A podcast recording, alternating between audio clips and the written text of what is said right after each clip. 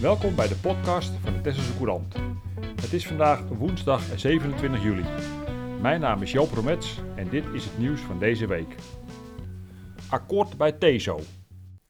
Acties bij TESO zijn van de baan. Nu leden van FNV en CNV maandagavond akkoord zijn gegaan met het nieuwe onderhandelingsresultaat tussen de bonden en TESO. Het akkoord ging over de CAO voor 2022 en 2023 en betreft afspraken voor onder meer loonsverhoging en een nabetaling over bovenwettelijke vakantiedagen, met terugwerkende kracht tot 2015. FNV en CNV complimenteerden hun leden. Tegengehouden hebben jullie de 38-urige werkweek en de verplichte verkoop van verlofuren. De jaarurennorm is helemaal uit het akkoord verdwenen.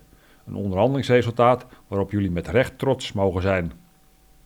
Ook TESO-directeur Kees de Waal toonde zich tevreden. Ik ben blij dat er nu een onderhandelingsresultaat is waarin iedereen zich goed kan vinden.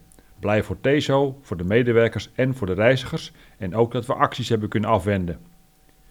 Net als de andere zoute Wardeveer heeft TESO een eigen CAO, zoals het in het verleden ooit is afgesproken.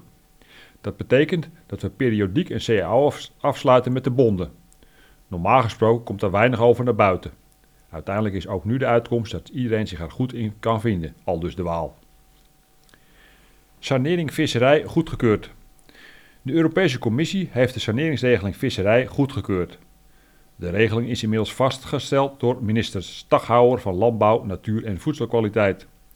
De sanering gaat 1 september open en er is in totaal 155 miljoen beschikbaar. De saneringsregeling is bedoeld voor die ondernemers die geen toekomst meer zien in de visserij. Er zijn wel flink wat voorwaarden aan verbonden. Visserij.nl schrijft: Eigenaren van vissersvaartuigen die gebruik willen maken van de regeling moeten kunnen aantonen dat zij consequenties ervaren van verlies van quotum als gevolg van de brexit. Ook moeten gesaneerde schepen voor 1 april 2024 zijn gesloopt.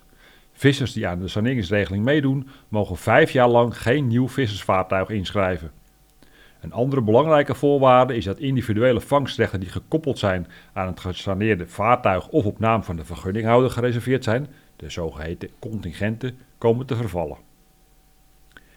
Zeehond bevrijd van vislijn met zes haken. Dierverzorgers van Ecomar hebben zaterdag op de razende bol een grijze zeehond bevrijd van een vislijn met haken. Er zaten maar liefst zes haken vast in zijn huid. Hulpstrandvonder Hans Eelman had het dier gevonden. De manning van de KNRM-boot Cornelis Dito bracht de dierverzorgers erheen en hielp met de bevrijdingsactie. Het vangen van een volwassen mannelijke zeehond valt normaal niet mee, maar hij leek zich bewust van de noodzaak mee te werken. Hij kwam echt om hulp vragen, meldt Hans Eelman. Het lukte twee dierverzorgers met hulp van de bemanning van de KNRM uiteindelijk om de haken en de lijn te verwijderen. Ze hebben het dier ter plekke weer vrijgelaten. De lijn met de haken was van het type dat wordt gebruikt om recreatief op makreel te vissen. Soms gaan dit soort lijnen verloren. Net als de zogenaamde spooknetten kunnen ze veel leed veroorzaken. De zeehond had al eerder een verstrikking meegemaakt, want hij had duidelijk een litteken in zijn nek. De reddingsactie is gefilmd en is te bekijken op de website van de Tesselse Courant. Boomsingel te smal. Europarks moet de boomsingel rond Resort de Koog, de voormalige camping de Driehoek, alsnog op de vrijste breedte brengen. Dit op straffen van een dwangsom van maximaal 350.000 euro. Zolang niet aan deze eisen is voldaan, mag er geen enkele gast op het park overnachten. De boomsingel rond het park is op verschillende plekken niet meer dan 2 tot 6,5 meter, terwijl de afscherming 7 meter hoort te zijn.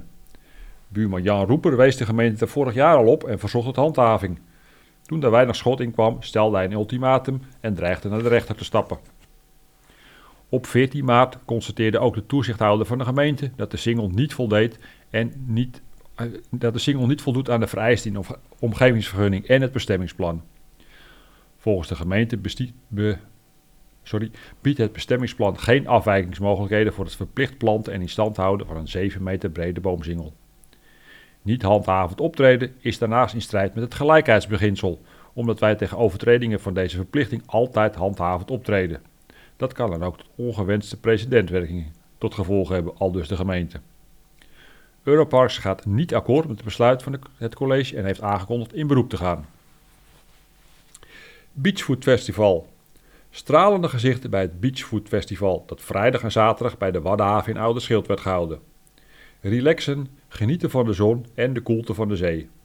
Het was goed toe van de waterkant, onder het genot van een van de vele gerechten of drankjes die er werden geserveerd.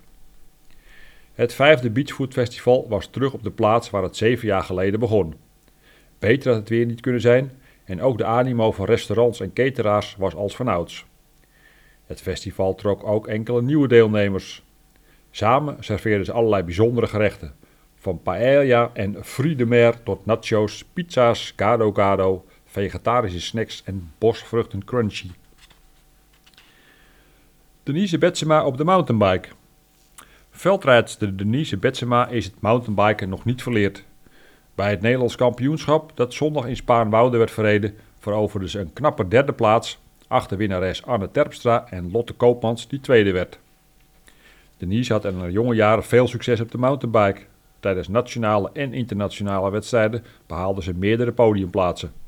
Nu laat ze zien dat ze het presteren bij haar eerste fietsliefde nog niet is verleerd.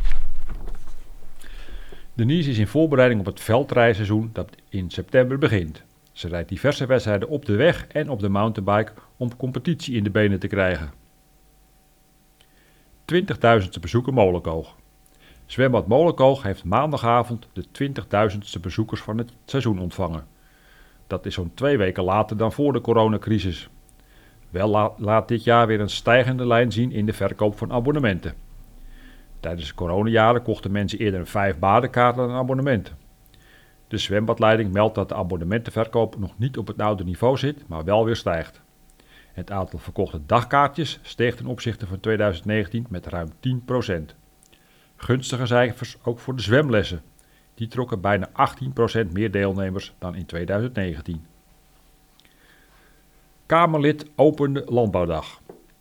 Boeren zijn de spil op het platteland, de sociale verbinding, zoals ze dat wel, noemen in de Tweede Kamer. Wat gebeurt er als boeren uit het landschap verdwijnen? De werkgelegenheid, sociale binding, toerisme en recreatie verdwijnen. Dat zei Caroline van der Plas, Kamerlid voor de Boerenburgersbeweging en eerder gast bij de Landbouwdag. Haar verhaal viel goed en nam iets weg van de teleurstelling dat het uitgerekend donderdag moest regenen. Landbouwdag Tessel is typisch een evenement waarin de agrarische sector zich op op en top laat zien en dat burgers en boeren met elkaar verbindt.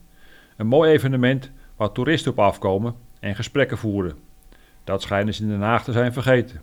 Als er geen boeren, akkerbouwers, tuinders en vissers meer zijn, gaan ook dit soort evenementen verloren. Want wie gaat dit anders organiseren? vroeg het Kamerlid in haar openingstoespraak. Een uitgebreid verslag met foto's van de Landbouwdag staat in de Tesselse Courant van vrijdag 22 juli. In de krant van dinsdag 26 juli staan verslagen over de schapen- en koeienkeuringen. Jong Strijkorkest op Tessel. Strijkorkest Te Kek geeft komend weekend twee optredens op het eiland. Op zaterdag bij Museum Kaapskil in Oude Schild, op zondag in kerkgebouw De Burgt in Den Burg. Beide concerten beginnen om drie uur middags. De Kek bestaat uit 30 jonge muzikanten, allemaal tussen de 20 en 30 jaar oud. Ze staan onder leiding van violist Johan Olof. De Kek probeert de klassieke traditie te doorbreken met toegankelijk repertoire en hanteert daarbij geen strikte etiketten. Het ensemble maakt een tournee over de Waddeneilanden en speelt daarbij zowel binnen als in de buitenlucht. De entree is gratis. Dick Drijver overleden. Een prachtig gebied dat tussen mijn oren zit. Dat zei Dick Drijver over het duingebied tussen de Mokbaai en de Geul bij Den Horen. Als kind kwam hij al met zijn vader, die er als duinboer schapen hield. Een door God vergeten oord, waar je alleen over een paardenpaadje kwam. Er kwam nooit iemand. Die eerste indrukken raakte Dick Drijver nooit meer kwijt. Ze waren bepalend voor zijn gevoelens en ideeën over de natuur en de rol van de mens daarin, die hij later ontwikkelde. Hij hechtte grote waarde aan de verbondenheid tussen mens en omgeving en beschouwde die als bondgenoten in wederzijdse belangen. Daarvoor introduceerde hij het begrip kleinschalig historisch medegebruik.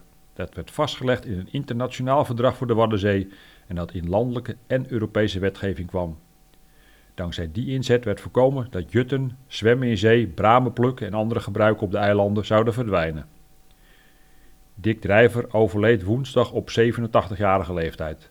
En in, memoriam staat in de Tesselse Courant van vrijdag 22 juli. De Tesselse Courant verschijnt twee keer per week en staat steeds boordevol nieuws, reportages en achtergronden. Neem ook een abonnement op de lokale krant van Tessel.